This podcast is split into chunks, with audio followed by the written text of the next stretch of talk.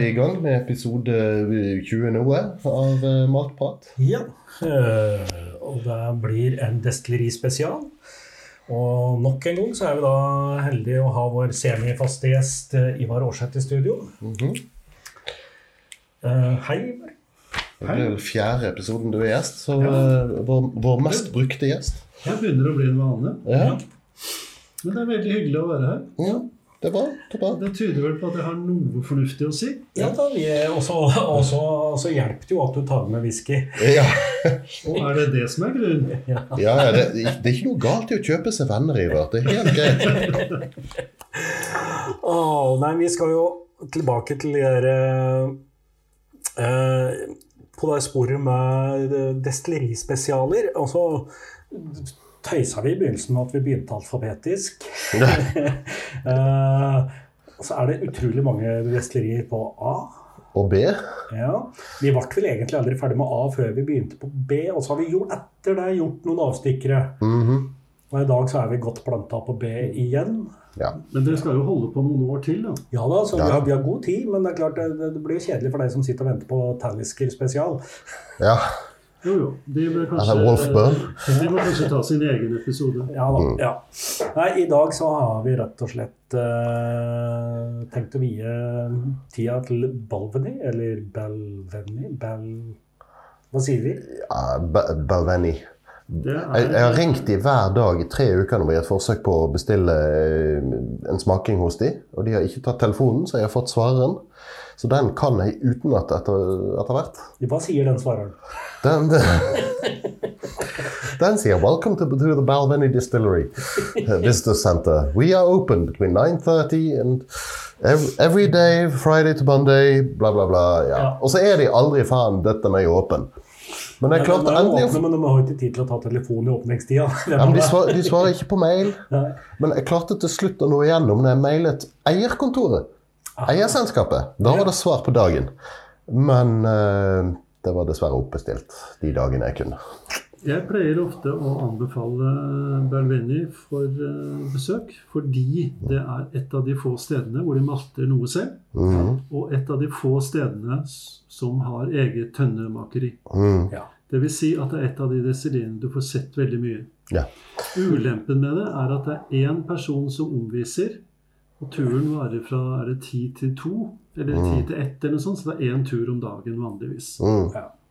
Ja, eh, jeg var der i eh, fjor, tror jeg det var. Forfjor, noe, noe sånt. Og det var en eh, nydelig omvisning og en herlig smaking. Med, som toppet seg i at vi fikk smake på 30-åringen deres. Og den var, den var god, den. Mm.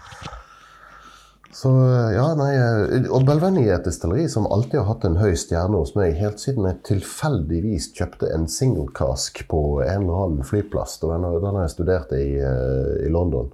Og fløy frem og tilbake noen ganger i året og, og bare snublet over en Belveni. Og disse, dette har ikke jeg prøvd. Så viste det seg at det var en single cask. Det var da den berømte 15-åringen. Den som eh, noen brøt seg inn i skapet mitt og tømte, ja. Jo, men det var en 15-åring. Eh, det husker jeg ikke. Jeg tror det. Ja. Jeg tror det. Der har, jeg, der har jeg faktisk hatt en øh, 15-åring som For der sto jo datoa for Mm. destillering og tapping. Og ja, den het jo øh, Single Barrel 15, var det vel. Ja. Min var øh, 18. Ja, jeg har også smakt det. Ja. Jeg fant et, et digitalt bilde fra studenthybelen min, og oppå bokhyllen der, der sto det tre flasker whisky. Det var den Belveni single cask-saken, og så var det en Dalmore, og så var det en Glendronach 15. Den gamle Glendronach 15 var en av mine store favoritter. Og to av de her kan du fortsatt anbefale. Jeg tror ikke jeg har smakt den nye Glendronach 15 etter at de startet opp igjen. For å være helt ærlig. Nei. Så, så da kan du ikke anbefale det. Nei, det, Glendronach er generelt sett bra saker, det òg. Dalmore er litt mer usikker på. Dette her er, altså, det, er, det er jo verdt å nevne kanskje at dette her er eh, eierkonstellasjonen. Du som da har eh, nylig hatt kontakt med eierkontoret. Ja. Ja, eh, er eier av ikke så veldig mange destillerier. Nei. Men akkurat Belveni har de eid siden børjan. Ja, og Det så, er fem destillerier, da, så Ja. det er rimelig store. Jo, men de, de, er- det er ikke ja, hva skal vi kalle det, de andre? Big whisky, som, Ja. som, som, som liksom er i, eh, borti 30. Jo, det er riktig. Ja. Men eh, alle- alle de eier, er store. Mm. ja, det er sant. Så de er Eh, en betydelig aktør. absolutt. Ja, de produserer volumer, ja. Og hvis vi skal være litt spissfindige, så eier de faktisk seks. For de eier også da det nedlagte destilleriet Ladyburn. Det er merkevaren Ladyburn. Mm. ja. Og da heter jo navnet William. William Grants. Ja. Mhm. Og øh, de øh, er jo da selvfølgelig altså Balvenie, uh, Glenfiddich. Glenfiddich Kininvi. og Kininvi Ailsa Bay. Ailsa Bay, som er nykommeren deres, ja. Den øh, Har de en nykommer til nå? Nei. Nei, så har de et grain Distillery. Selvfølgelig. Som heter eh, Som man også sliter litt med uttalen av. Er det Gervin eller er det Girvan? Ja. Eh, Det engelske er i hvert, uttalen er i hvert fall Gervin. Mm. ja. Hva det blir på skotsk, det må man jo bare tippe seg frem til. Og da de tre altså Kninvi er jo den som er minst kjent av de som har i hvert fall vært i drift en stund. Mm. Men de produserer faktisk ganske mye. Ja, ja. De er på var det fire eller fem millioner liter i året. Som ja, 4,8. Ja, men eh, det er som De laga ikke så veldig mange tapninger i single malt-kategorien. Nei. Det er veldig få tapninger. De har her, jeg husker når de begynte å dukke opp i, eh, i taxfree-en og sånne ting. og Det var sånn halvlitersflasker. Det før det var helt var normalt. Og så var det ganske stivt priset for Kininvi 17. Som, eh, Ja, som var- opp jeg, jeg husker at jeg sånn Ja, dette hadde jo vært gøy å smake, men er det verdt så mye penger, da? Ja, sant. Det første jeg smakte, var en eh, flaske som de hadde tatt inn på whiskybar i Oslo. Ja. Eh, det var før det kom med 17 og 23. ja. Mm. Jeg husker ikke hva den het, men eh, Men det var en offisiell tapning. Ja. Ja. Ja, nå finnes det jo, det er en annen ting som du må si, det finnes vel veldig få independent uh, bottlings, eh, i hvert fall som det står uh, Balvenie eller uh, Glenfiddich eller uh, Ja. Kininvi på. Vi kan jo godt komme innom det litt senere når vi har begynt å smake litt. Ja, du begynner å bli litt ivrig på å få smakt. Det er lenge siden vi smakte på norske whiskyer. Ja, Ja, vi, Det var, jo, det var jo helt i forrige episode. ja. Stian, opptaket har gått i nesten åtte minutter. Det er på tide med dagens dobbel. ja. Eh, dagens dobbel den starter med at jeg, noe jeg fant igjen i kjelleren min i dag, som jeg faktisk hadde glemt at jeg hadde. Men det er en eh, Founders Reserve. Som jo var den gamle standardtapningen. Er litt sånn entry level uh, whisky må vi vel kunne si. Du bare... Får bare ta en mål opp siden Ja, vi vi har jo små flasker som skal deles Ja. på tre, men jeg tror vi skal Ja da. Det ble litt i alle glass. ja. Eh, den her eh, Ja, eh, hvis hukommelsen min funker, så er det Geir Tore vi har å takke for dette her. Uh, at jeg hadde en sampan. Mm. Uh, nå står det ingen aldersbetegnelse på den, som gjør at jeg antar at dette her er før den Founders Reserven fikk tiårs aldersbetegnelse. Ok, men så da den forholdsvis gammel. Ja, for den fikk aldersbetegnelse i begynnelsen på 90-tallet. 1990. Mm. Og da kom den òg i i tid. noe som vi normalt ville forbinde med en whiskyflaske i dag. Den, eh, den, den kom i noe som ville ja, brandy eller konjakk. eh, Litt sånn en grønn, matt eh, Eller jeg er usikker på om den var matt, men i hvert fall hadde den derre var, var, var tjukk nede, og så smalna den inn litt sånn som en eh, ja, noen vinflasker og sånn. Så det du egentlig har servert oss nå, det er en nas. Det er en nas. Mhm. Ja. Så non-age statement, statement Non-age statement. fra, fra lenge siden. Jeg har alltid syntes at dette, da den eksisterte, var en veldig god introduksjonswhisky Mm. når man skulle holde en smaking for folk som kanskje ikke hadde smakt whisky før. Ja, litt sånn. Altså, jeg har jo Til en vi skal smake litt senere, så var det òg litt sånn min sånn, Veldig ofte den whiskyen jeg anbefalte til folk som var litt nysgjerrig på hva, hva bør jeg kjøpe. Ja, men kjøp den her. Det, og det er ikke den derre eh, røykbomba som du har av en eller annen grunn har fått for deg at whisky skal være. Men eh, ikke sant, lett, fruktig, fint. Eh. Mm. Det er noen år siden jeg har smakt den her. Det var et veldig veldig hyggelig gjensyn med den, syns jeg. Ja, dette var ikke ille.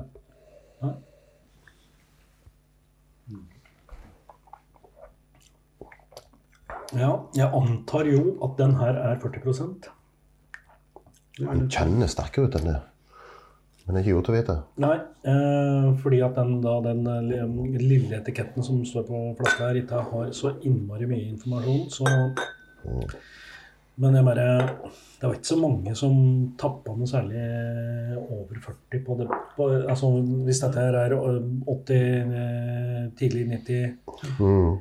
Det var veldig mye 40 Ja.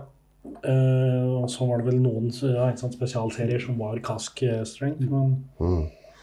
Jeg lurer på om ikke jeg så en flaske av denne her til salgs på Blomkvist-auksjonen nå, eh, nå nettopp for et par uker siden. Ja, og du angrer selvfølgelig på at du ikke slo til? nå gjør jeg det, ja. Ja. Men de prisene på de auksjonene, det er ikke, noen er i taket, og andre ting blir ikke solgt. For, eh, altså det, det er en merkelig prissetting på det.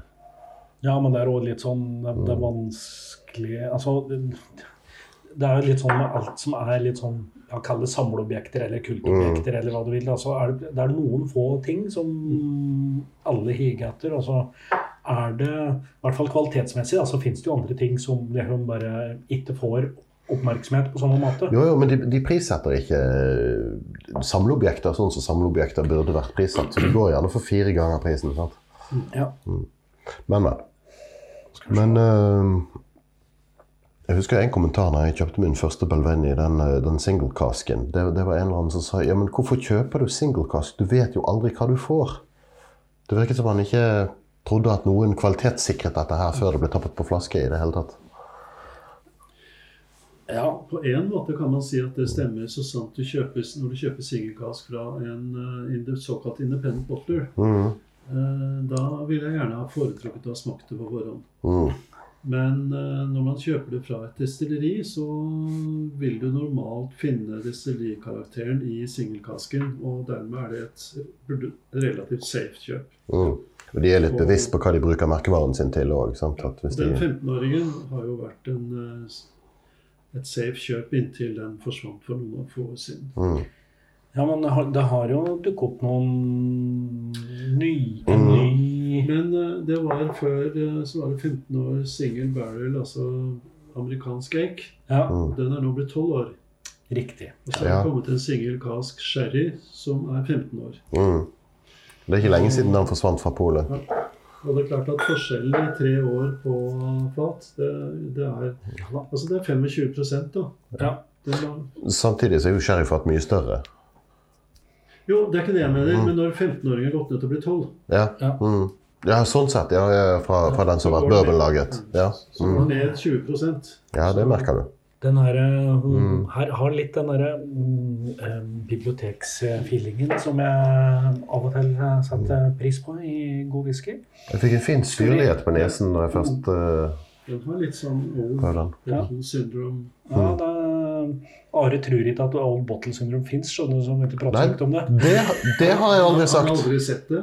Nei, det har jeg aldri sagt. Det jeg lurer på, er hvordan måler du det? For at du, du må jo nødvendigvis måle det opp mot whisky som har ligget på en annen flaske like lenge. Ja. Så du har ikke noen list å måle det mot. Mm. Jeg Ja. syns det er en god whisky. ja, Ja, den var absolutt. Den seile, seile opp som uh, årets beste nas så Ja. langt. ja. Nei, den uh, var ikke noe det vi kan noe si om facts om Berlevini, da, det er jo at de eh, Denne William Grant, da, som startet opp Glenfiddich, han uh, hadde så stor suksess med Glenfiddich at det tok ikke mange år før han startet opp uh, Berlevini. -hmm. Som ble startet i 1892, så vidt jeg husker. Mm -hmm. Og eh, Suksessen har jo da ikke blitt mindre etter at alle destilleriene er blitt utvidet noen ganger, og de til og med har bygd da Kininvi, som noen påstår, på parkeringsplassen til Belvini. Det, det sa Belvini sjøl til meg, faktisk. Når jeg spurte om det var mulig å stikke innom en tur. Nei, det ligger på parkeringsplassen. Der slipper ikke du til. Det var beskjed. Ja, jeg har vært så heldig at jeg har vært på Kininvi også, så det er morsomt å besøke.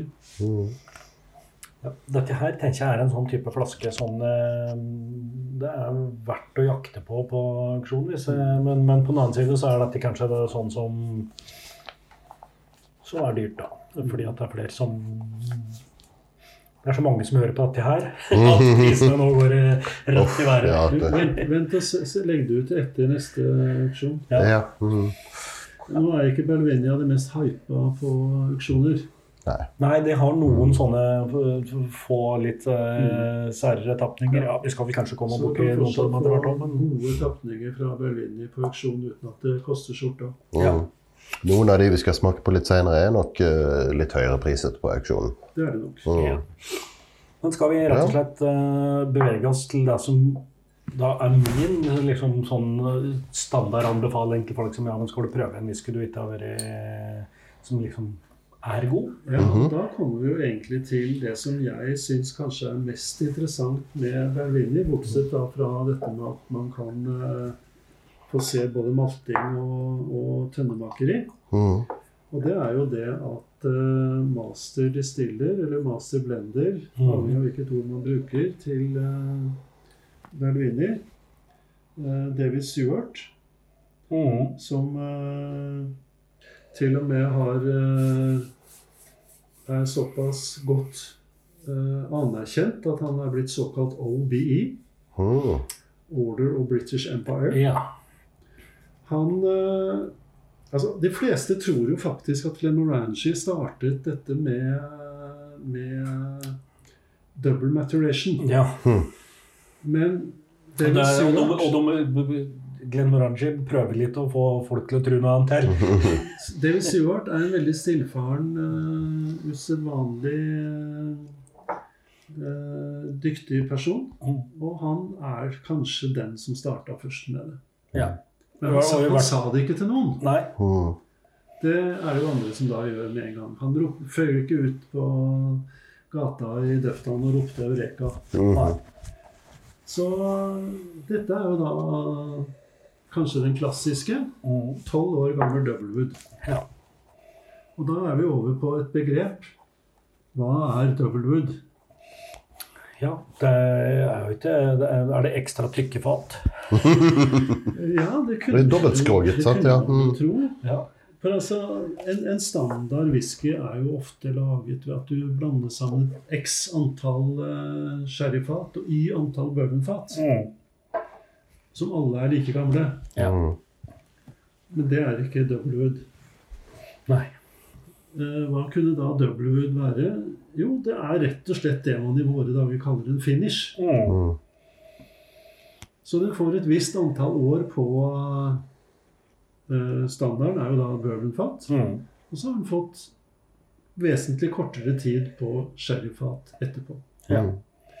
Så her er det egentlig litt sånn lek med ord. At, eh, eller hva skal vi si Navnet skjemmer ingen, hva man måtte kalle det. Det, det er Nei, nei, det nå- det samme som en finish, rett og slett. Men nå er det jo ja, Er vi oppe i kvadruppelwood som den, eh, den siste greia, mon tro?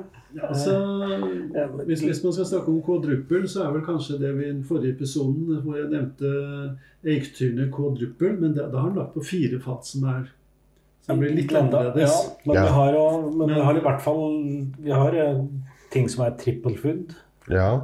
Trippelwood finnes jo, ja. Ja. Mm. Auchentoshen har vel noe sånt. Den Mm, første, som, den, første, den, første, den første som ble kjent for å komme med noe som het Trippelwood, det var uh, Macallan Fine Oak. Mm. Ja, men Ja. den, de Den- kalte Fine Oak ikke trippelwood, gjorde de ikke? De kalte det Fine Oak, ikke Trippelwood. Ja. Mm. Nå heter den Trippelwood. Ja, selvfølgelig. Så nå har de McAllen 12, standard sherry, Ja. Doublewood og Trippelwood. Mm. Ja. Men Synd de ikke kalte det denne- singlewood. Tilbake til denne, så er det som sagt en av the forerunners ja. Mm. når det gjelder denne måten å gjøre det på. Men er det, betyr det at uh, Altså, jeg vil jo tro at noen uh, Før produktet Balvenie Dobbelwood kom ut, at noen har stått inni et eller annet lager med, og sjekka fata sine og funnet at dette her kommer ikke til å gå. Så Og har funnet ut at kanskje, kanskje jeg skal prøve å helle den over på et annet fat. Denne trenger jeg noe mer av. jeg tror nok at mye av dette har to opprinnelser. Det ene er kanskje at markedsføringsavdelingen sier at vi må ha noe nytt. Ja. Mm. Og så uh, blir det gitt oppdrag til uh, de som jobber med sånt. Nå må dere finne noe nytt, så vi trenger noe nytt å selge. Det andre er vel at de som jobber med sånne ting, selv finner på det. Ja. Mm. Og jeg tror nok at uh, her er litt mer sånn eh, prøve og feile. Hva skjer hvis vi gjør sånn? Ja. Og så har det vært veldig vellykka. Ja, Mhm. ja, ja, absolutt. Ja, Jeg altså Hva ville du gjort hvis du hadde tilgang til eh, blendingrommet til et eh, stort destilleri? Jo, jeg hadde stått der med diverse tønnesamples og lekt meg og funnet ut hva jeg gjør sånn og sånn. kanskje? Ja. Så når man er på noen av disse turene rundt på skotske destillerier, så hender det jo man kommer innom sånne blending room. Mhm. Og jeg har jo vært så heldig at jeg har vært på blending room på Glenfiddich og sittet og sett på det som er i hyllene med så store øyne. Og det, Mhm. man, det heter eventyret. Øyne som tinntallerkener. Og eh, ja, det, det er fascinerende. Mhm. Og det er klart at de har litt av en, eh, en arbeidsbenk, de som jobber på sånne steder. Ja, ja. Mhm. Men jeg syns jo altså Ja, eh, nå er det faktisk lenge siden jeg har øh, hatt en Dobbelwood-flaske i hendene sjøl. Sjøl om jeg stadig vekk refererer til når folk eh, lurer på hvor de skal starte. Mhm.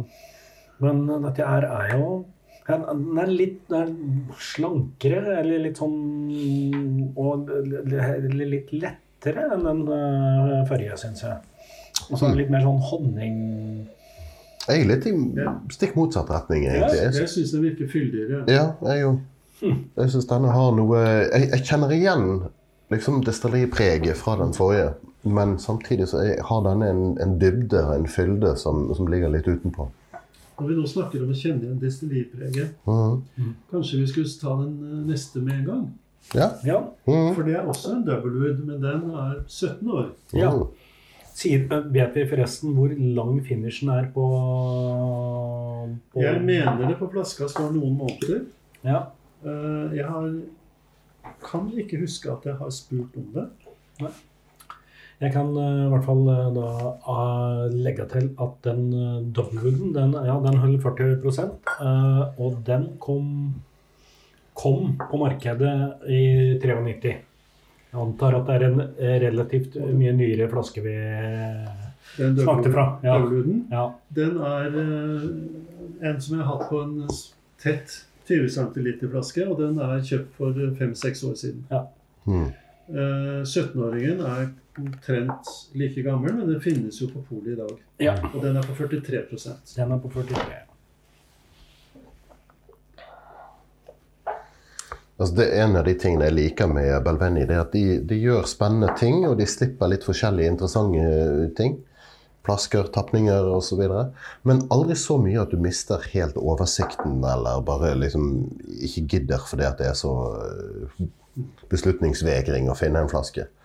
Litt sånn som enkelte andre destillerier jeg ikke har tenkt å nevne navn øh, på. Standardrangen til uh, Belveni syns jeg er veldig greit prisa. Mm. Eh, men det er klart når du kommer opp i litt dyrere, så ligger de selvfølgelig i forhold til hva markedet veldig ofte gjør. Mm. Ja da. Eh, de, de, de skal tross alt konkurrere med andre, og de, det er jo ingen Ja. som gir bort Nei da. ting. Nei, det, nei. De skal drive en business. Ja. Og så er det jo sånn, altså Balvenie er jo en storvolumsprodusent. Altså Ja. i, I forhold til veldig mange av de som liksom må differensiere porteføljen sin litt for å liksom nå Mhm. i konkurransen. Så Syv liksom- millioner liter i året. Ja. Det er kapasiteten. Det er klart altså Storselgeren til firmaet er selvfølgelig Grenfidis Ja. og Grants. Mm. ja. Det er sånn som er en blended whisky. Mm.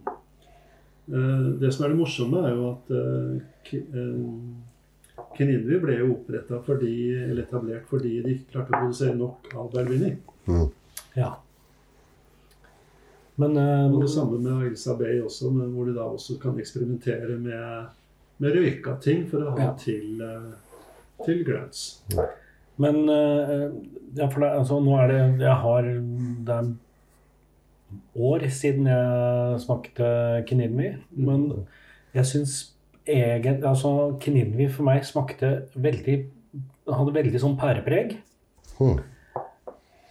Så, eh, altså, så de kan jo umulig ha lagd Keninvi for å lage den samme spriten som Eller ha den samme karakteren som Balveni? Nei, men det var altså, Balveni klarte ikke å produsere nok. Nei, nei, nei, nei. for jeg syns egentlig Keninvi uh, I Glenfiddich òg, liksom de, i hvert fall de standard, eh, så er det et visst pærepreg som jeg ikke syns Belveni Men, men du kan jo ta et eksempel med Glenn Grant og Glenn Grant nummer to.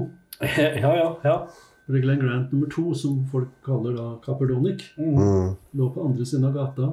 Skulle produsere eksakt samme sprit som Glenn Grant gjorde. ja. Destillasjonsapparatet var det samme, vannene kom fra samme sted osv. Og, så videre.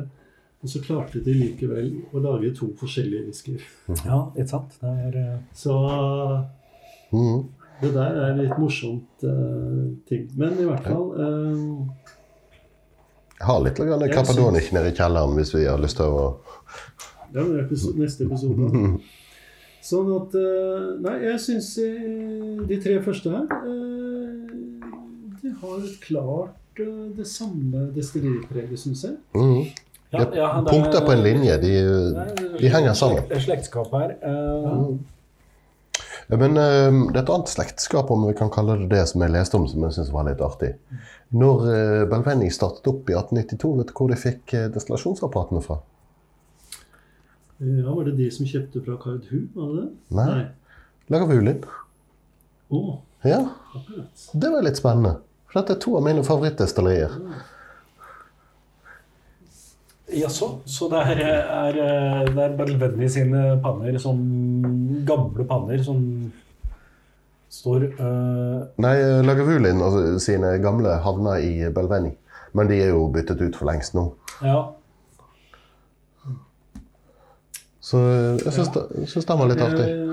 Jeg, er rimelig sikker på når jeg tenker meg litt om, det var Glimfiddis som kjøpte Ah. Cardhu sine panner. Ja, akkurat. Det er jo òg et Diagio-destilleri, så jeg vet ikke hvorfor Diagio drev og Det vil si, det var ikke Diagio som eide det den gangen, men Diagio var ikke påfunnet det. Nei, sant. Men uh, i dag så, så er det jo de samme eierne Mm. på uh, mm. Ja, ja.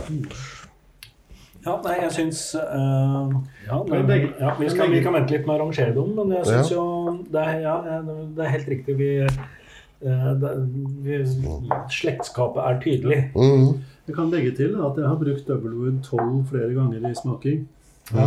Og nå i januar på fest- fiskefestivalen i Tromsø så hadde jeg en uh, jubileumssmaking fordi NMBL, altså Norsk Matfiskelag, er 25 år. Ja. Og da hadde jeg med Doublewood 17, Mm. Ja. Som ble veldig godt, eh, veldig godt mottatt. ja.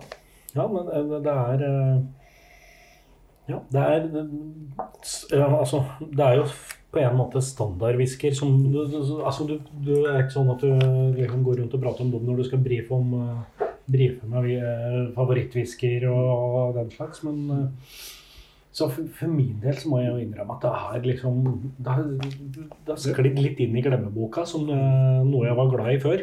Mm. Det som kunne vært morsomt å vite når du spurte om dette med antall måneder på, på finishen, eh, Stian, det er Ja. jo egentlig er det forskjell i antall måneder på finishen på 12 og 17. For jeg syns det lukter litt mer sherry av 17. Mm. Jeg mener å ha lest at det er mer Ja. lenger du på den. Men det er jeg jo enig i, og, ja, og da, det rimer jo ikke hvis finishen er like lang på begge to. Mm. Ja. Men eh, ok, da har vi etablert uh, standard uh, Ja. base- baseline har vi nå. Vi, Men uh, burde vi snakket litt om altså De har jo en del nye tapninger i en slags ny standard-lineup òg, som vi ikke har representert her. Mhm. Uh, Nå husker jeg ikke navnet på alle sammen. For det, men jeg var på en smaking der de ble uh, servert. Den ene har vi jo delvis helt til slutt, da. Mm. Uh, Den røyka Berlinien Ja. Eh, Men de har en ny baseline hvor jeg tror den første er en tolvåring. Mm. Mm. Så er det en 14-åring som er den røyka. Og så er den siste noen og tyve. Og Men er vi da på- Jeg husker en story om den noen og tyve, at det var bare resten av fatene på noe som ble gitt ut noen år før som en yngre whisky. Men jeg husker ikke helt hva, hva den storyen var. Det var en representant for eh, de i Norge som fortalte meg det. Ja, men de har jo og de har jo også de der altså andre typer fat. altså De har jo mm, 21 Portwood, jeg vet ikke om den Ja. fins i sortimentet lenger. Og så har du Jo, den finnes. Caribbean Cask, eh, Mhm. som er eh, romfat. Mhm. eh, Så de Mm. Så de har jo liksom Ja, de har, eh, har en annen, en annen serie med andre fat. Ja, altså det jeg tenkte på, var den serien som heter Her har vi den. Uh, American Oak Ja. og Ja, Det var mhm. tolvåringen. ja nettopp. mhm. Og 14-åringen var Pete-versjon, Ja. som vel heter Hvit og Peak, Week og Pete fortsatt. ja, og så har de en De hadde en Pete Week. Ja. Uh, og så Første het Pete Week, men det heter Week og Pete nå, den siste. Nettopp. Ja. Og så har du den 26-åringen som heter A Day of Dark Barley. Riktig. Nettopp. Ja. Og det er den som uh, visstnok er resten av Fatnet som ble gitt ut en gang for flere år siden. Akkurat. Mm. Altså har de en haug med forskjellige spesial single cask og alt mulig sånt. Ja. nå. Det som de har vært veldig kjent for, har jo vært en 15-årig uh, whisky på, på bourbonfat, som har vært singelkask. Mm. Mm. Men for noen år siden så la de om produksjonen sånn at uh, den ble 12 år. Og så kom det med en 15 år gammel sherrykask. Mm. Ja. Uh, som de ikke hadde tidligere. Nei. Men det er jo, ja, og det er singelkask, sant? så det er jo selvfølgelig et, en slags håndsrekning til oss nerder. Ja, jeg har smakt veldig mange av de 15-åringene. Ja. Så Og i spesiallisten så kan vi De har en 12 år gammel triple cask og en peated triple cask som er 14. Og en 16 år gammel triple cask og en 25 år gammel triple cask. ja. 21 Madeira cask osv. osv. ja. Så, så din påstand litt tidligere i eh, episoden om at de ikke har sånn finner på så mye rart Nei, altså de, de, de finner på mye, men det er ikke spesielt rart. Nei da. Ja. jeg ser i hvert fall i lista mi her nå at jeg har glatt smakt over 20 av disse 15-årige single barrelene. ja, ikke sant. Skal vi gå over til noe litt mer eh, mål. det må lov å kalle det um, eksklusivt? Mm. Contemporary art. Ja. ja, det, nå er jo dette her Nå skal jeg se, Det står ikke noe årstall her, men dette er jo fra en serie som ikke fins lenger. Men den heter Tønn 1401. Som jo er altså Det er eh, Var vel navnet på liksom blending eh, eh, Tønnanoms, for å si det sånn. Ja. Når det er en single mål, så kaller man det jo ofte for en marriage cask. ja. Eller marriage tønn. ja. Altså der whiskyen godgjør seg før den blir tappet på, på flaske. Mm. Og Tønn 1401 var en veldig populær uh, whisky, Mm. Med god grunn. med god grunn. Og eh, den har dessverre aldri vært til salgs i Norge, Mm. meg bekjent. Og dette er temmelig begrenset eh, opplag, for å si det sånn. Dette er en miks av ni forskjellige tønner som er blandet sammen. Uh, Sherrytønner. Ja. Nei, ser, sorry. sorry. Eh, det er fem, fem bourbon-tønner, Ja. antar jeg. Det står 'traditional whisky casks' og så fire sherry casks. Jeg skal Den- eh, grave fram litt mer detaljert informasjon mens du prater. Uh -huh. den serien der den ble jo da så populær at de måtte rett og slett gå over til en eh, større sånn marriage-tønne. Mhm. Så som det ble sagt, 1401 eksisterer ikke noe mer. Nå heter den 1509. Mhm. Og da er det to eller to til tre ganger flere flere fat som inngår. Ja. Så det er en mye større batch. Ja, for dette her er jo da et sant batch nummer fem, og det f- eksisterer ni, eh, Ja. det? Og den siste er kun, har vel kun vært til salgs i USA, er det sånn? Ja. Mm. Jeg har aldri sett nummer ni overhodet. Nei. Og grunnen til at de gjør forskjell på, på ja, USA og resten av verden, er bl.a. at USA insisterer på at flaska skal være 75 cm Ja, det er klart det går an å tappe samme whisky på to forskjellige eh, flasker. Ja, da. Mm. Ja. to omganger sånn sett, men, eh, men eh, jeg tror også det var sannsynligvis det at de så at det var et stort marked for det i USA. ja. Mm. Jeg kan, altså, dette er som jeg sa, batch nummer fem den er tappa på flaske i 2012. Og består av fem bourbon casks og fire sherrybutts. Uh, og på et eller annet tidspunkt i livet mitt så mener jeg at jeg har visst øh, årgangen på de fata, men det øh, har jeg ikke her, i hvert fall. Men dette er jo Altså, ja, det er jo Det er en nas-whisky, dette her òg. Mm. For det er den Ja. Altså, dette er en serie som jeg liker innmari godt. Og jeg syns 1401 er hakket bedre enn 1509, for den er, i og med at det er færre flasker så, Mm. Eller flere flasker, ja det blir jo forsøkt flere flasker òg, men i, i og med at det er færre fat, ja Mm. så blir det litt mer konsentrert, syns jeg. mm. Mm. Men det finnes også en annen serie som heter Tønn 1858. Riktig. Mm. Ja. Og den har bare vært til salgs i Asia, meg bekjent. Og den eh, har jeg vært så heldig å smake to stykker av på en whiskyfestival jeg pleier å være på i London. Mm Og den er bare helt fantastisk. Så der tror jeg de har uh, tatt fat på øverste hylle. Ja. Akkurat. Men det her er, det er 2862 flasker fins av den her. Og du, eh, Ivar, er jo den, er på en måte den direkte årsaken til at jeg har hatt den der flaska stående i kjelleren min lenge. Mm. Det er helt greit å legge skylda på meg. Ja. Ja. ting. Nei, men jeg husker jo da inne på det gamle øh, forumet til Norsk Maltfiskerlag, så drev du og, og la ut en, en, om at Jeg tror ikke det var den batchen her, men du hadde i hvert fall vært og fått kjøpt noen sånne flasker og skrev rosene rosende om dem, så jeg tenkte at dette her må jeg prøve å henge med på. Men jeg har da rett og slett hatt denne flaska stående i kjelleren altfor lenge, så at jeg her, øh, nå var det på tide å åpne den, tenker jeg. Long overdue. Ja. Nei, jeg, jeg smakte første gang eh, dette på en whiskyfestival i Tyskland og syns dette var fantastisk godt. Mhm. Eh, så eh, ja. Jeg, har jeg skammer meg overhodet ikke over at jeg har rost dette opp i skyen. Nei, Det er jo mm.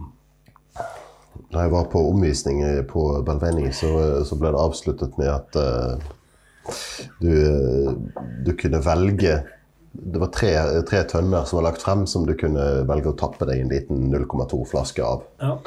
Og hvis jeg ikke husker helt feil, så var det en 15 år gammel bourbon cask, og en 13 år gammel bourbon cask, og en 13 år gammel sherry cask. Ja. Og jeg syns den sherrykasken var så fantastisk at jeg kjøpte to stykker av den.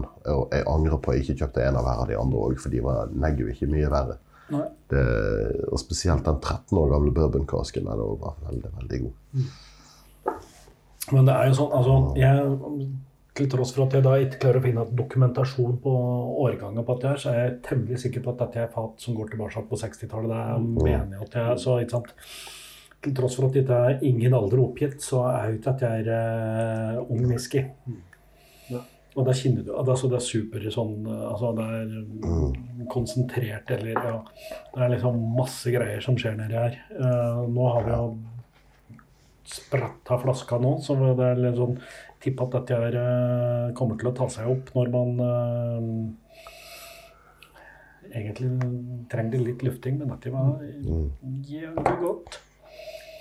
Jeg tror du kommer til å nyte den her når du eller utover året. Mm. Eventuelt de neste 14 dagene, sånn cirka. Jeg skal prøve å strekke det litt lenger, faktisk. Men, men det er klart det her er jo egentlig veldig morsomt når man sitter og smaker flere fra samme destilleri, som man gjerne kaller en vertikalsmaking. Mm. Mm. Det dukker ofte opp sånne godsaker. Mm. Mm. Det som jeg syns er veldig synd, det er at eh, mange av disse da, tønnene aldri har kommet til Norge. Ja. Nå er selvfølgelig Norge et lite whiskymarked, og det er ikke sikkert at uh, man blir prioritert uh, ting. Hei. Men uh, jeg tror det hadde vært Eller jeg vet at det finnes folk i Norge som hadde satt veldig stor pris på å få tak i, få tak i disse på polet. Ja, hadde jeg sett en tønn noe som helst fra Belveni på polet, så hadde jeg kjøpt den på øyeblikket. Det er på grensen til å være sånn sovepose-overnatting-whisky for mitt vedkommende. Altså. Ja. ja. Nei, dette er eh, mm. Klarer vi å toppe dette her, tror du? Ja, altså det neste vi skal smake på, er jo en singel kask, da. Ja. Mm. Det er jo en fordel, ja. syns jeg. Mhm. Nå har riktignok en Ja. singel kask både topper og bunner, så det er klart at det her er, og dess mer man blander, dess mer kan man si toppene og bunnene blir jevna ut, så du får et mer konsistent resultat. Ja, for, ja, for det, det, jeg, jeg syns jo ofte at liksom få fat sammen kan liksom lage noe som er eh, ekstremt bra. Ja. Men eh, jeg har smakt Jeg har ikke smakt veldig mange 25-åringer, men jeg har smakt noen få. Ja. Og de har vært veldig, veldig, veldig bra. Mhm. Så jeg gleder meg til å smake denne, fordi jeg har sjekka lista mi, og jeg har ikke smakt det fatet, fatet der. Oh. Nei, nå er vi jo at vi er da igjen tilbake til en av Geir Tore sine eh, smaksprøver som befant seg i kjelleren min. Og det er eh, da en 25 år Balvenie Kask 3209. Betyr det at du har klart å slå opp hvilken årgang det dreier seg om, eh, Ivar? Nei, nå har jeg bare sjekket min egen liste, og ikke Ja. sjekket uh, Whisky Base, som har uh, fasit her. Men det kan jeg jo kjapt gjøre mens vi, mens vi snakker. 3209, sa du? Uh, hvis det er noen som ikke er kjent med Whisky Base, så er, ja. Så er Whiskybase et uh, nettsted som har Jeg tror nesten ikke det finnes én tapning som de ikke har uh, liggende inne. Nei, det, det, det, altså, det, det, det hender seg jeg har hatt gleden av å registrere en Mm. flaske, men, men da er det gjerne en eller annen batch-variant av eh, et eller annet. og Ja, eller noe som er helt nytt. Noe som er så ferskt at de ikke har fått fingeren ut ennå. Så det man kan gjøre da, hvis man går inn der, så kan man jo f.eks. bare slå opp eh, fatnummeret. Og eh, trykke 'søk', og så får vi se hva han finner opp. Han kommer da med litt andre, for det er jo ikke den eneste som har fatnummeret. Men han kommer med en Belvini 25. Mm. Eh, 19. i 3. 74. Oi, oi, oi. Og tappet på flaske 15. mai 2002. Altså, hurra meg rundt, denne her ble tappet på flaske på bursdagen min. Oi! Men gutter, hvordan blir dette 25 år? Ja, nei, vi, vi, hvis, vi regner, hvis vi regner litt grovt på det Nå er, vi, nå er vi jo på en morsom ting her. Denne følelsen er også 46,9 hvis vi skal ha litt fakta. ja. Vet du hva? Jeg ser på listen min at denne har jeg faktisk smakt før. Og gitt en skuffende dårlig karakter. Kanskje det er du som har gitt Så dette blir spennende. Kanskje det er du som har gitt sample til Stian? Nei, jeg- Nei, det tror jeg ikke. Jeg bruker ikke sånne etiketter. Men i, i hvert fall eh, Ja. Det som eh, mange firmaer, eh, altså destillerier, gjør, da, det er at de har en merkevare. Mm. Mm. Og 25 er merkevare for Belvini. Ja. Og Finner de da et fat som de har lyst til å tappe, så gjør de det selv om det kanskje i dette tilfellet da er 28 år. Mhm. ja. Eh, Jeg har vært ute på akkurat det samme med denne 15-åringen. Ja da. Og eh, det er blitt sagt at uh, f.eks. for en som går en del år tilbake, Springberg 25 var noen og 30 år gammel. Ja, da var det vel eh, Ja. Så det er, eh, dette er ikke første som eh, har gjort dette. Et annet fint eksempel er jo Linsdale Batch 10. Ok? Ja, den, eh, den bunna-tapningen til Adelphi.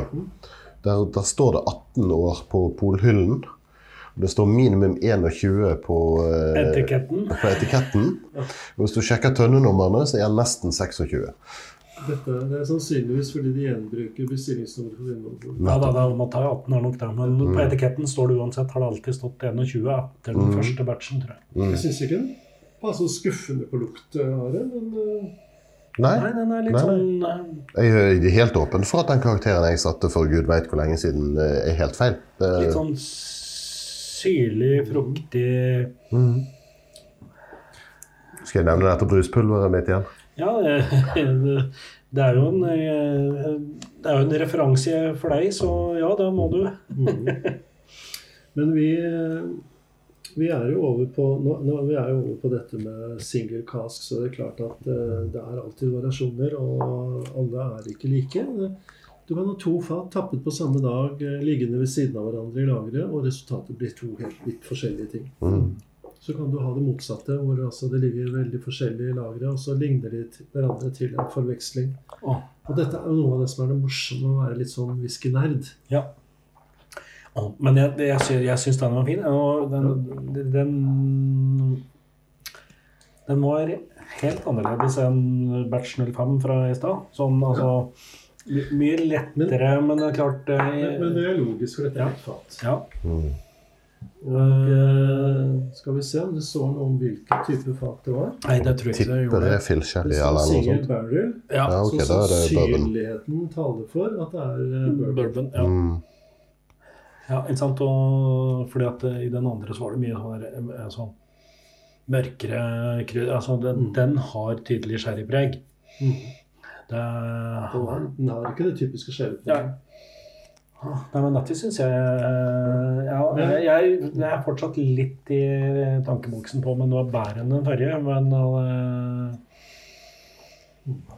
ja, Det syns jeg var eh, Jeg syns det var fint. Mm. Men, eh, men, men, men, Skal vi se Skal vi se Det er- det er noen som har lagt inn den to ganger her bare. Ja, og den er litt sånn irriterende. Mm. Den er ja. Det, det morsomme her da, det er jo at når jeg søkte på denne Whisky Base her på fatnummer 3209, Ja. så fikk jeg opp en eh, Ladyburn 1973. Mhm. ja. Ladyburn er jo da det nedlagte destilleriet som eh, William Grant hadde inne på Gervin-området. ja. Mm. Så det var litt pussig at de har klart å tappe av akkurat samme fatnummer. I påfølgende år. Nei, Nei, Ladyburn Jo, det var, det var 73, dette var 74. Men det har er det er nok mer enn Ja. tilfeldig. ja. De fleste destillerier jeg har hørt om, de begynner jo på nytt på tønnenummer hvert år. Mm. ja. Ja, Ja, de mm. fleste gjør det. Mm. Noen, eh, de små desirene prefikser ofte tønnenummeret med årstall. Mm. Men det var eh, Det er veldig Ja, vet ikke, det var fint, altså. Det er eh, Jeg sa bibliotek litt tidligere, men her får jeg den her eh, det, er litt sånn fat, mye fat her, da. Men litt sånn Er blyantskrell.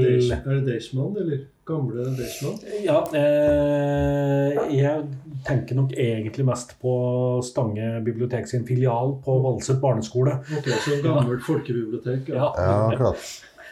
Tenker du på sånn, sånn gammelt syrefritt papir som blir sprøtt etter en 30-40 år? Sånn, Ja, nei, ja. det var uh... Nei, ikke syrefritt. Altså ikke ikke syrefritt. Ja. Mm. Sånn noen paperbacks til Vi, skal, vi skal ikke gå inn på hvilken syre du snakker om. Nei. Nei, men, det er også, nei, men også er det der eh, altså Blyantskrell Altså, det er eh, ja, Ja. Det Altså, heter, det blir, heter det blyantskrell når du spiser blyanten din? Bare når du skreller den for å spise den. Nei. Blyantspisseravfall? Husker ikke hva vi kalte det. Nei, jeg, jeg kaller det blyantskrell, men jeg er ikke sikker på om eh, det er et begrep som bærer mening i hele Før, landet. første gang jeg var i London, så, så dro jeg nedover alle disse her bruktbokhandlerne nedover Charing Cross Road. Og jeg tror jeg kom hjem igjen med 60 paperbacks i, i ryggsekken, og de, de fleste kostet et pund stykket. Og de var utgitt på sånn 50-60-tallet. The golden age of science fiction. Og det var sånn, sånn gulnet, nesten sprøtt papir som luktet veldig, veldig spesielt. Litt sånn tørr kjeller-type ting. Det, det er sånn litt sånn som den Berlin-følelse. Nei, omvendt.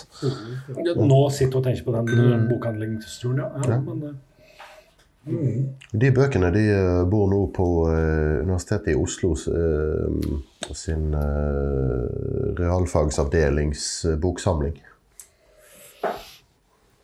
ja, for det er Are, Are Tu- Tunes samlinger, er det da? Eh, ja, ja. ja Tone Samsonsens samlinger. Jeg, jeg ga en hva var det, 600-700 bøker dit. Han har sponsa et eget rom da, som måtte bygges på til 300 000 egen kroner. Til fløy, 300 ja. 000 kroner. Ja, nei, ikke helt. Ikke helt, men uh, Han måtte selge et par-tre whiskyflasker for å få ah, no. Men jeg er veldig glad disse bøkene fikk et godt hjem, for de, de betyr noe for meg. Ja. Og nei, jeg har ikke tenkt å gi whiskyflaskene mine et godt hjem. ja, det har du blitt et godt hjem allerede. Nei, de, le, de lever i konstant fare. Nå har vi, altså, nå har vi jo så, ja, altså Jeg mener jo fortsatt at det er eh, I en blindsmaking så hadde jeg ikke plukka alt dette her og sagt at det er Belvenny, men nå som jeg sitter her med det, så skjønner jeg at det er eh, at, at det kan være det samme. Mm. De tre første har, syns jeg har et veldig greit, sammenlignbart destilleripreg. Eh, De to neste stikker seg litt ut. Ja da, men jeg, det er akkurat med det var, Men det er fordi jeg sa bibliotek om den første og den siste, så mm. mm. Men nå har vi jo Nå har vi hatt en, og det er det odd one out, på en måte. Eh, Ja. Den er uh, satt bakerst fordi at vi nå tenkte at vi skulle følge den logiske progresjonen som handler om uh, minst mulig røyk i munnen før man eh, Jeg trodde det var fordi vi skulle ta det beste først. jeg. Ja, riktig. Ja, ja. Jo, jo. eh, Ja, det er jo eh, Jeg vet jo at noen forfekter den uh, logikken òg, sånn at vi Er dette, er dette sånn innsatt uh, måte å drikke på? Sånn, drikke Drikk det opp før noen andre tar det? Ja. Mm. ja, ja, det er, det var en spøk. Det er, det er helt riktig. Man, har man røyka whisky inkludert, så bør man ha det til slutt. Og En av grunnene til det, det er at eh, det som gir eh, de molekylene som gir røyk smaken og lukta, Mm. er ikke løselig i vann. Mm. Så at det hjelper egentlig ikke å skylle munnen bare i vann. Du får ikke bort mye av den røyksmaken. du må vaske munnen med grønnsåpe. Eller skylle munnen i olivenolje. For eksempel. Altså, jeg pleier å si at når man er vant til å gå på whiskyfestivaler og drikke mye forskjellig, så, så klarer man å sortere ut det der. Ja. Men hvis man er relativt nybegynner, så er det veldig vanskelig. Mm. Da bør man alltid gjemme de uh, røyka til slutt. Mm. hvis man skyller munnen i whisky, da? Ja, for eh, du mener at rø- røy- røykmolekylene er løselige i whisky? Ja, Selvfølgelig. ja. Ja, men flott. Det, det er det jo beviselig. Ja, ja, ja. Vi bør egentlig skylle munnen med nysprit, med andre ord. Mm, ja. Eh, det vi nå prøvde å komme fram til, var at vi nå skal gå til eh, eh, Pitvik heter heter den som vi har. Den, den, heter Pitvik. Den er 14 år og ble produsert i 2003. Nå heter den vel A Week og Pete. Ja. Og den heter rett og slett A Week of Pete fordi Berlini en gang i året setter av en uke hvor de produserer røyka whisky. Og som sagt, de malter jo deler av kornet sitt selv. Så de har jo muligheten til å fyre med, med torv. Ja. Og eh, det er eh, Det er absolutt ikke det eneste destilleriet, eh, Speyside-destilleriet, som eh, som produserer ulike Eller av og til produserer røyka. Det viser seg at stadig flere har gjort det en eller annen gang i tiden, og så kommer det noe Jeg holdt på å si nesten seilende på i fjøl. Mm. ja da, det for eksempel har jo sin special release hvert år hvor det kommer åtte til ti ulike whiskyer. Og i 2019 så kom det en tolv år gammel Cragganmore. -hmm. Og altså kryss i taket. Det var en røyka Cragganmore. Det har jeg aldri hørt om engang. Nei. Mm. Nei, nei, men det er sant. og Det er eh, altså Ja. mm, Noen har åpenbart eksperimentert med dette, og så er det jo ingen tvil om at eh, den røyka whisky er en greie for veldig mange, da. Mm. Som gjør at eh, ok, da, da tilbyr vi den varianten òg. Spesielt sies det i Sverige og Tyskland så er eh, røyka whiskyer veldig eh, Veldig eh, storselger. Men Norge begynner å komme etter også, sånn at uh, det er veldig mye røyka whisky. Og det, det ser man ser jeg ofte når jeg holder smakinger, at uh, Hvis det er én eller to røyka whisky, så syns jeg kanskje at røyka whiskyene får uforholdsmessig mange stemmer bare fordi de er røyka. Ja. Ikke nødvendigvis fordi de er bedre enn de andre. Men hvis du liker det, så er det det du går for. Ja, og det er jo en- sånn er det. Det, det Dette er jo en veldig tydelig smak. Og, altså er, Mhm. og, så, og så kan jo kritikken da selvfølgelig være at uh, veldig mye røyka whisky smaker bare røyka whisky. Ja, den, den må ha noe annet for at det skal være bra whisky, syns jeg. Den er litt sånn sure røyksmaken og så ingenting annet har jeg aldri helt skjønt vitsen med. Og jeg er veldig glad i røykt mat. Um, når jeg er i Skottland, så spiser, spiser jeg ofte kippers til, eh, til frokost. Gjerne sammen med en glass, eh, glass eh, frokostwhisky. Å, men røyka blåskjell eh, Ja, åh, det er så godt. eh, Mm -hmm. Det, det har jeg spist på Isla en del. Jeg turde ikke ta det med hjem, for det er helt ærlig. Sånn røyk, olje, fiskemat i Dette her må kofferten. du gå an å Nei. produsere hjemme sjøl i en bitte liten røykeovn. Det er jo de største, feiteste blåskjellene de bruker råd til det. Men, men den altså, jeg, Vi har snakket om det før. Jeg har inntrykk av at det er enkelte som påstår at de liker røyket whisky bare fordi at de skal liksom tøffe seg litt og, og like røyket whisky for røyken sin skyld. Litt sånn de samme som insisterer på å få det sterkeste som er å få på en indisk restaurant. Eh, og det er mye god røyket whisky, men, men uh, jeg skjønner ikke helt vitsen med å gå etter bare røyk. Nei, altså Jeg pleier å si at eh, jeg syns røyken ofte overdøver litt mer sånn forfina smakene i whiskyen. Mm. Eh, det her syns jeg var et eksempel på en god røyka whisky, fordi eh, den er ikke så ekstrem røyka. Nei da, men, men på ingen måte tvil om at det er, eh, Nei, nei. det er godt med godt røykpreg likevel. Jo, jo. Mm. jo, jo. Men altså, den, denne her fremkaller minner hos meg. Altså Sitte foran kullfyrt peis i en pub langt til fjells i Storbritannia og liksom bare tørke opp med en god bok og en pint i neven, og pubbikkja ligger på føttene dine. Og det, det liksom Dette er kos. Ja. Men, eh, men den der eh, whiskyen som smaker som om du har vært på speiderleir i 14 dager og ikke har tatt den første dusjen etterpå ennå, det Nei. Eh. Men samtidig vet, vi- vet vi noe meg si det sånn, det er vel ikke akkurat noe speiderwhisky. Nei. Men den er Hvis den ikke brenner, så er det ikke speiderwhisky. Men, eh, men altså Dette med røyk og ikke røyk. Eh, Ardbeg ga jo for noen år siden ut en urøykt versjon. Som het Blaster. Og det ligger liksom mellom linjene at det var markedsavdelingen som tvang det gjennom mot eh, destilleriets egentlige vilje. for, Ja, for det, det var en sånn Var det en kvinnewhisky òg, eller? Uh, nei, jeg tror ikke det var akkurat sånn, men, men, men det var liksom en god del press uh, mot, uh, mot de for, for at de, de, er eierne som, som sa det, at dette skal dere gjøre. Og han Ja, OK, da. Um, og helt ærlig, jeg syns det ble tamme og kjedelige greier. Phil var ikke den het? Nei da. Ja, den, den var heller ikke spesielt røyket. Men den, den som kom i 80 og 81, uh, Kill Dalton, den, den var jo veldig bra. Det er noe av det beste Ja, jeg har smakt. på- Du tenker på de siste som kom? Jeg tenker på Blaster. Blaster, ja. Ja. Ja. Den var uh, noe særlig. Nei, den, den var temmelig veik. Men Kildalton, den første runden med Kill Dalton er den beste Ardbeggen jeg har smakt. Ja, eh, det er noe av det beste jeg har smakt av whisky. Punktum. Ja. Eh, Men altså, den, den kom i 1980, og så kom det en versjon i 1981, men den kom kun på 5 centiliter flasker. ja og, det, Og det- skal du skal på auksjon og kjøpe et, så koster det bare sånn 10 000-12 000. Så Nei, nei, det koster mye mer enn det. Det, det koster like mye som jeg har studielån, det nå. ja, er det jeg sier. 10 000-12 000. Altså, det, det, det var bare 3000 flasker den første Kill Dalton. Ja. Så Men uh, jeg må jo likevel si at uh, ja, det, det var ikke en dårlig whisky, men jeg skjønner likevel ikke helt poenget med den. uh, for her, her, nå, er vi liksom, nå er vi borte fra Balvini. Dette her kan være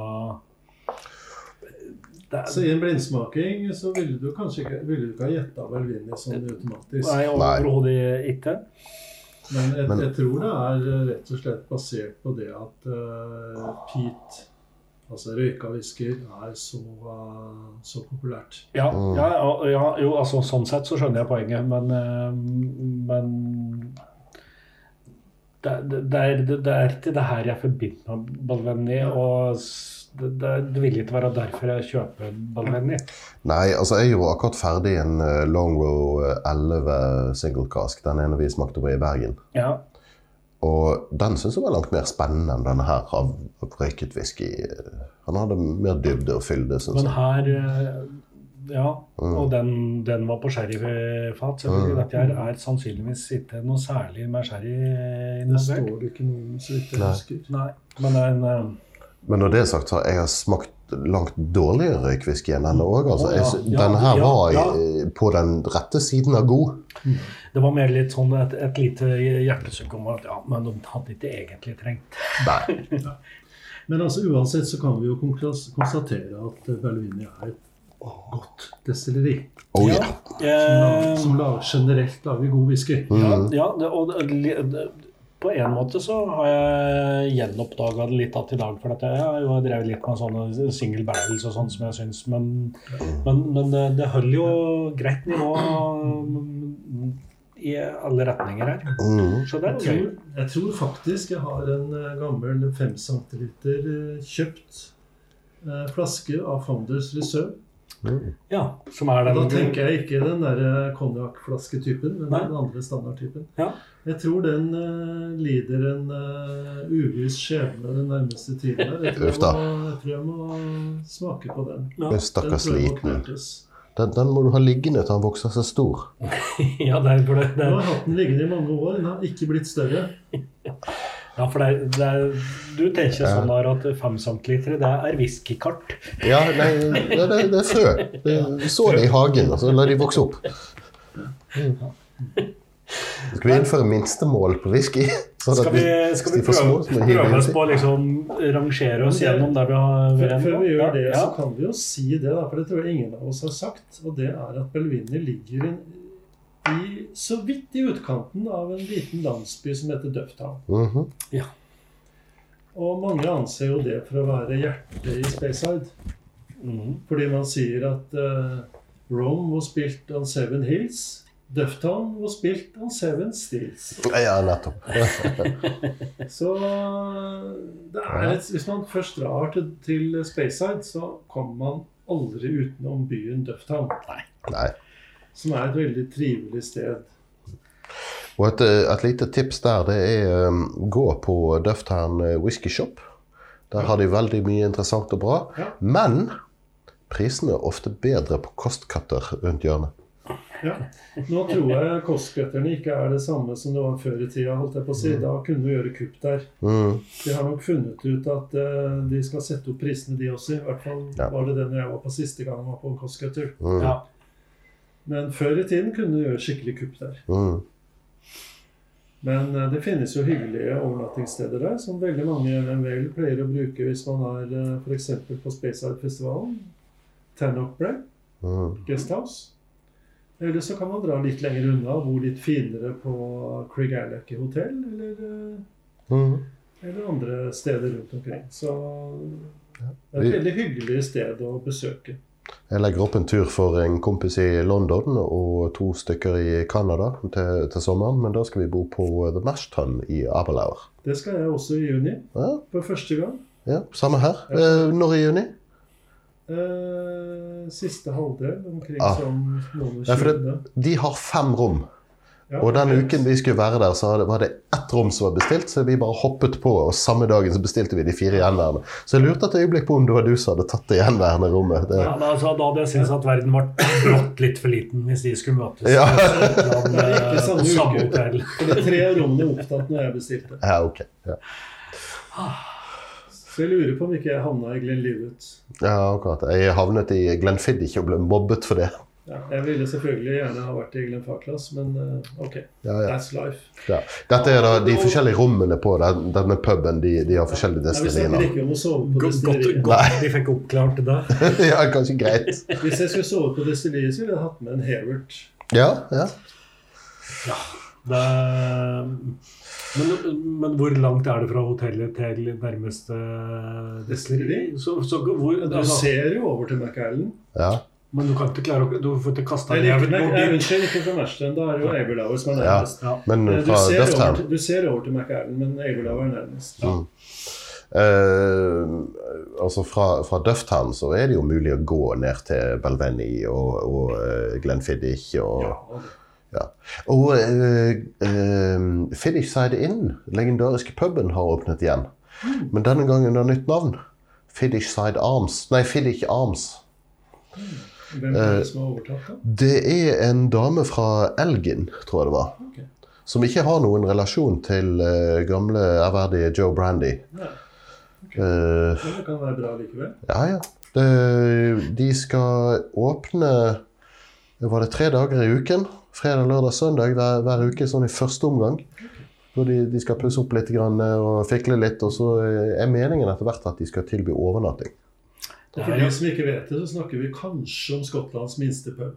Ja, og en av de mest berømte, Joe Brandy, var vel 84 når han døde, og drev puben nesten til det siste. Jeg syns jo det er eh, trivelig at de prater om dette her litt sånn som nabolagspuben. Ja, ja det, det, var ikke, det er ikke mye om å gjøre. Men altså, en sjarmerende gammel gubbe som, som overtok puben når eh, kona hans døde. Han jobbet i 60 år på den puben, og drev han til godt inn i 80-årene. Han hadde vel aldri vært på ferie. Og du, nei, nei, det tror jeg ikke. Og han, det var også sånn, Du spurte han etter isbiter. så var det sånn, ja, jeg skal se om jeg finner Men det tok jo 20 minutter, så isbitene smeltet inn. Du fikk de. Det sies at eneste dagen han tok fri, var da kona ble begravet. Ja. Ja. Og så driver han en pub, og så heter han Joe Brandy. Og serverte whisky. Ja. Men Skal vi eh, prøve å rangere Ja. ting før vi, før vi tar kvelden? Ja. Herregud, Stian. Skjerpings. Ja, Ja. Uh, Founders Reserve. Skal jeg, skal jeg begynne atter en gang? ja det kan du gjøre. Founders Reserve var sannsynligvis den beste Founders Reserve jeg har smakt. At det, det navnet er så grovt misbrukt eh, rundt omkring på forskjellige destillerier. Hvis du tar Glenlivet Founders Reserve, det høres jo fancy ut. Ja. Men det er det billigste rælet de har av whisky. Og sånn er det veldig ofte. Eh, Men akkurat denne får av meg en syver. Altså kategorien god. Ja. Det er jeg helt enig. Dette her var jo drittkjedelig, men uh, jeg tror jeg i en eh, lang pause Sju. ja. Du bare hermer, du. Ja. Det er liksom eh, Når du sitter sist på rekka, så trenger du ikke å ha egne meninger. Det er bare, And these are the votes of the Norwegian jury. Vi, vi kan jo gå rundene, så kan jeg starte denne gangen. Så Ja. kan Are bli sist. Mhm. Men dette her, altså Det, det kan legge til det- Bibliotekspreget var eh, det som bikka meg over. Ja. Ja, Folkebiblioteket på Stavre. Ja. ja. Nei, altså Normalt ville jo jeg sagt syv på Doublewood 12, men uh, siden jeg syns Fondus Sør var hakket bedre, og Oh. siden dere vil differensiere litt, så får jeg gå ned på seks og en halv, da. ja. Og som jeg Men det er sånn seks og en halv pluss har dere vel ikke? Nei, nei, men er, du kan jo si det, liksom. Og så, og så hender det seg at vi kommer til en slags minnelig eh, ordning om at den ene gir litt opp, og den andre gir litt ned, og så uh, jevner det seg ut. skjønner du. Det blir litt komplisert når vi er tre, da. Men Ja, men jeg, poenget er at jeg, er, eh, jeg syns òg Founders Solomon var hakket bedre. mm. jeg, Eh, Jeg syns fortsatt at det her er godt, altså. Og, og dette er det jeg forbinder med Balvini, men det er jo kanskje den Balvinien jeg har drukket aller flest flasker Det av. er jo det, ikke sant? Ja. Jeg er faktisk ikke enig. Men du skal få sette karakteren før jeg går videre med den. Jeg sa 6,5, ja. 6,5. Ok. Jeg sier 7,5.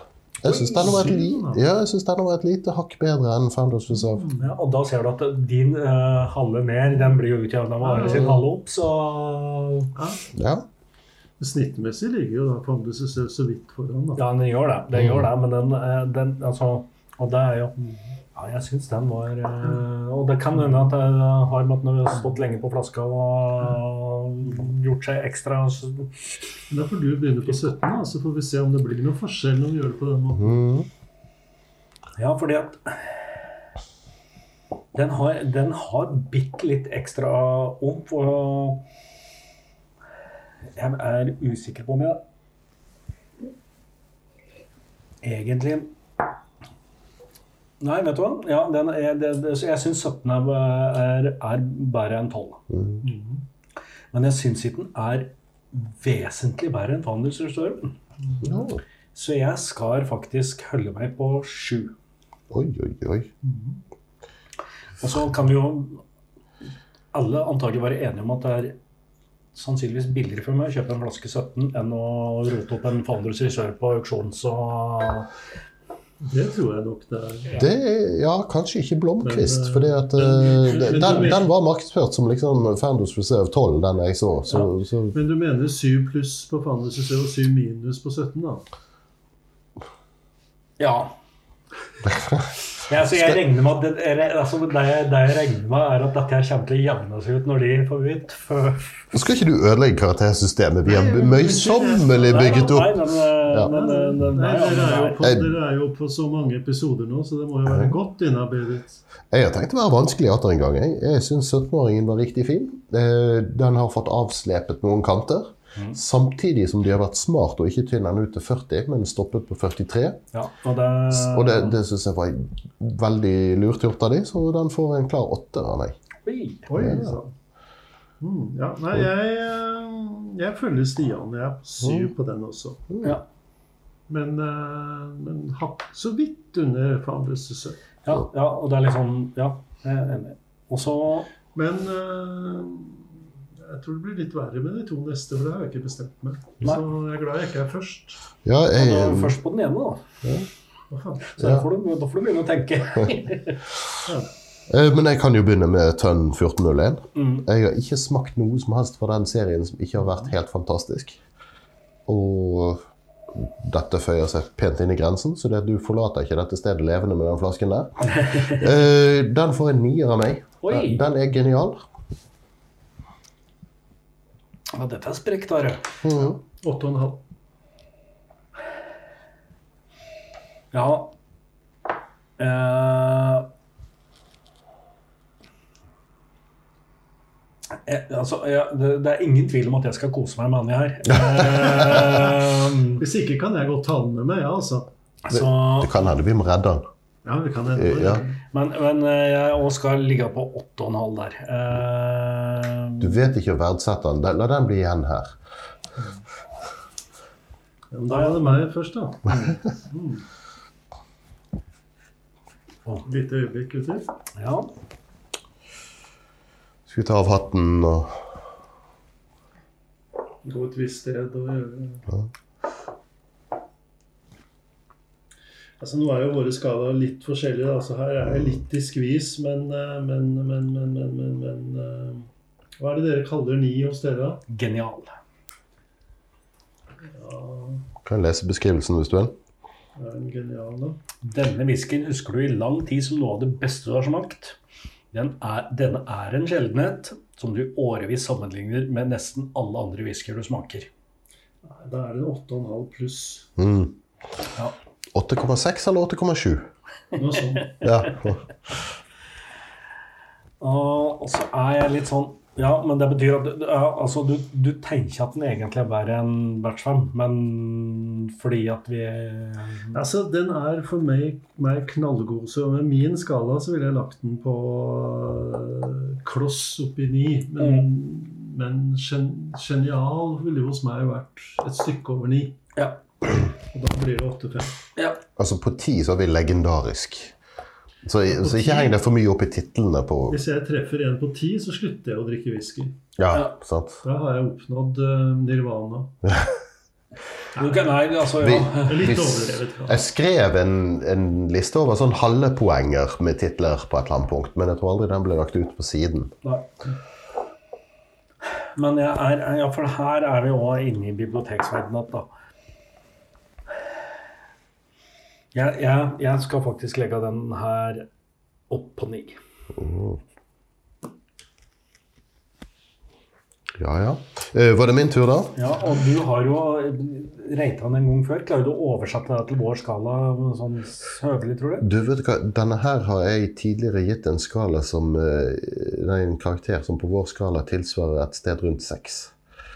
Ja. Eh, nå Det er på 6,5 nå. Nei, nå får han faktisk 8,5, tenker jeg. Mm. Er du enig med meg? Ja, rart er det der. Skal vi se, jeg, jeg forsøker å finne listen over uh, disse karakterene med, med halve trinn her. Ja da, her har vi det. Uh, 8,5 dritgod. Ohoi, dette var saker. Et klart høydepunkt som skiller seg ut fra mengden i nesten enhver smaking. Ja, det Ja, greit. ja, ja det, Det er greit. kan vi stå inne for. 7,5 utmerket. Denne whiskyen har finfin, svakere enn mulig favoritt. Ikke genial, men en whisky du kommer tilbake til med ujevn mellomrom. Dette er en slik whisky du kanskje har en ekstra flaske av på lur bakerst i skapet. Eller fire i Stian sitt tilfelle. Ja. Ja, men da er det Stian på Pitvik, da. Ja. Jeg eh, antar vel noe av det jeg Altså, jeg, jeg skal jo ikke holde mot whiskyen i glasset at det er Belvedere som har lagd den. men, altså, det men, kan men, jo telle både positivt og negativt. ja, da, altså, men poenget er at jeg tenker at de fem første her uh, Ja, det syns jeg de burde drive med. Dette her kan de egentlig overlate til noen andre. eh, og så skjønner jeg at av markedshensyn så er det viktig for dem å ha noe røyka i sortimentet. Kan jeg sitere deg til destilleriet når jeg snakket med. Ja, jo, gjør gjerne Ja, det. ja, ja. Eh, Denne oppblåste Stian Tyreberget sa According to well-known Norwegian podcaster. Ja. Ja, men for meg så er det altså Ja, det er en god røyka whisky, men mm, ja, Jeg drikker heller Lagavulin 16 enn det her. Så jeg skal gi en 6,5. Jeg tenkte eh, along this, those same lines. Altså, hvordan er denne sammenlignet med Lager 16 eller Ardbeg Ugedal? Og han faller til kort, altså. Han gjør det. Eh, Ikke med så veldig mye, men jeg ville heller hatt Lager 16 og Ugedal, så den får 6,5 av meg. Det er helt kurant vare. Absolutt drikkbar. Eh, men hvis jeg vurderer å kjøpe en flaske, så ville jeg sett på prisen og sett hva annet jeg fikk for den prisen, og vurdert om det var bedre. Ja, altså De som eh, hører på og kjenner meg, vet jo at eh, røyk ikke er min store favoritt. Mm. Eh, det er ikke noe dårlig whisky. Men i mine øyne så er de fem andre bedre. Mm. Så for meg blir det en sekser. Akkurat. Altså det, Ja. det er noe med røyk at du, du kan skjule en del urenheter bak røyk. Og hvis du da kjenner røyken, så, så begynner du å lure på ok, hvilke urenheter har de skjult her. Nå skal jeg Men altså, eh, jeg syns det var morsomt, mm. fordi det er en, flere år siden jeg har hatt så mange Berlini på samme, samme tidspunkt. ja.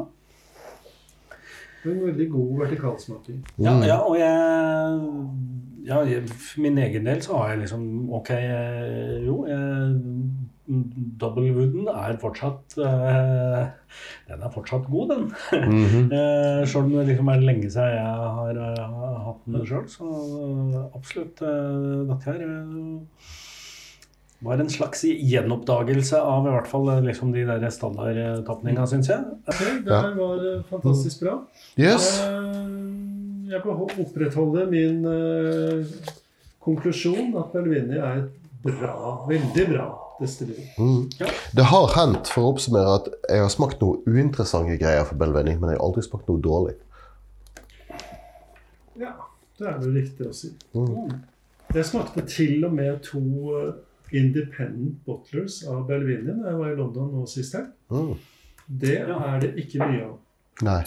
Nei, nei fordi eh, som det rett og slett sto Belvini på. Ja. Ja. Mm.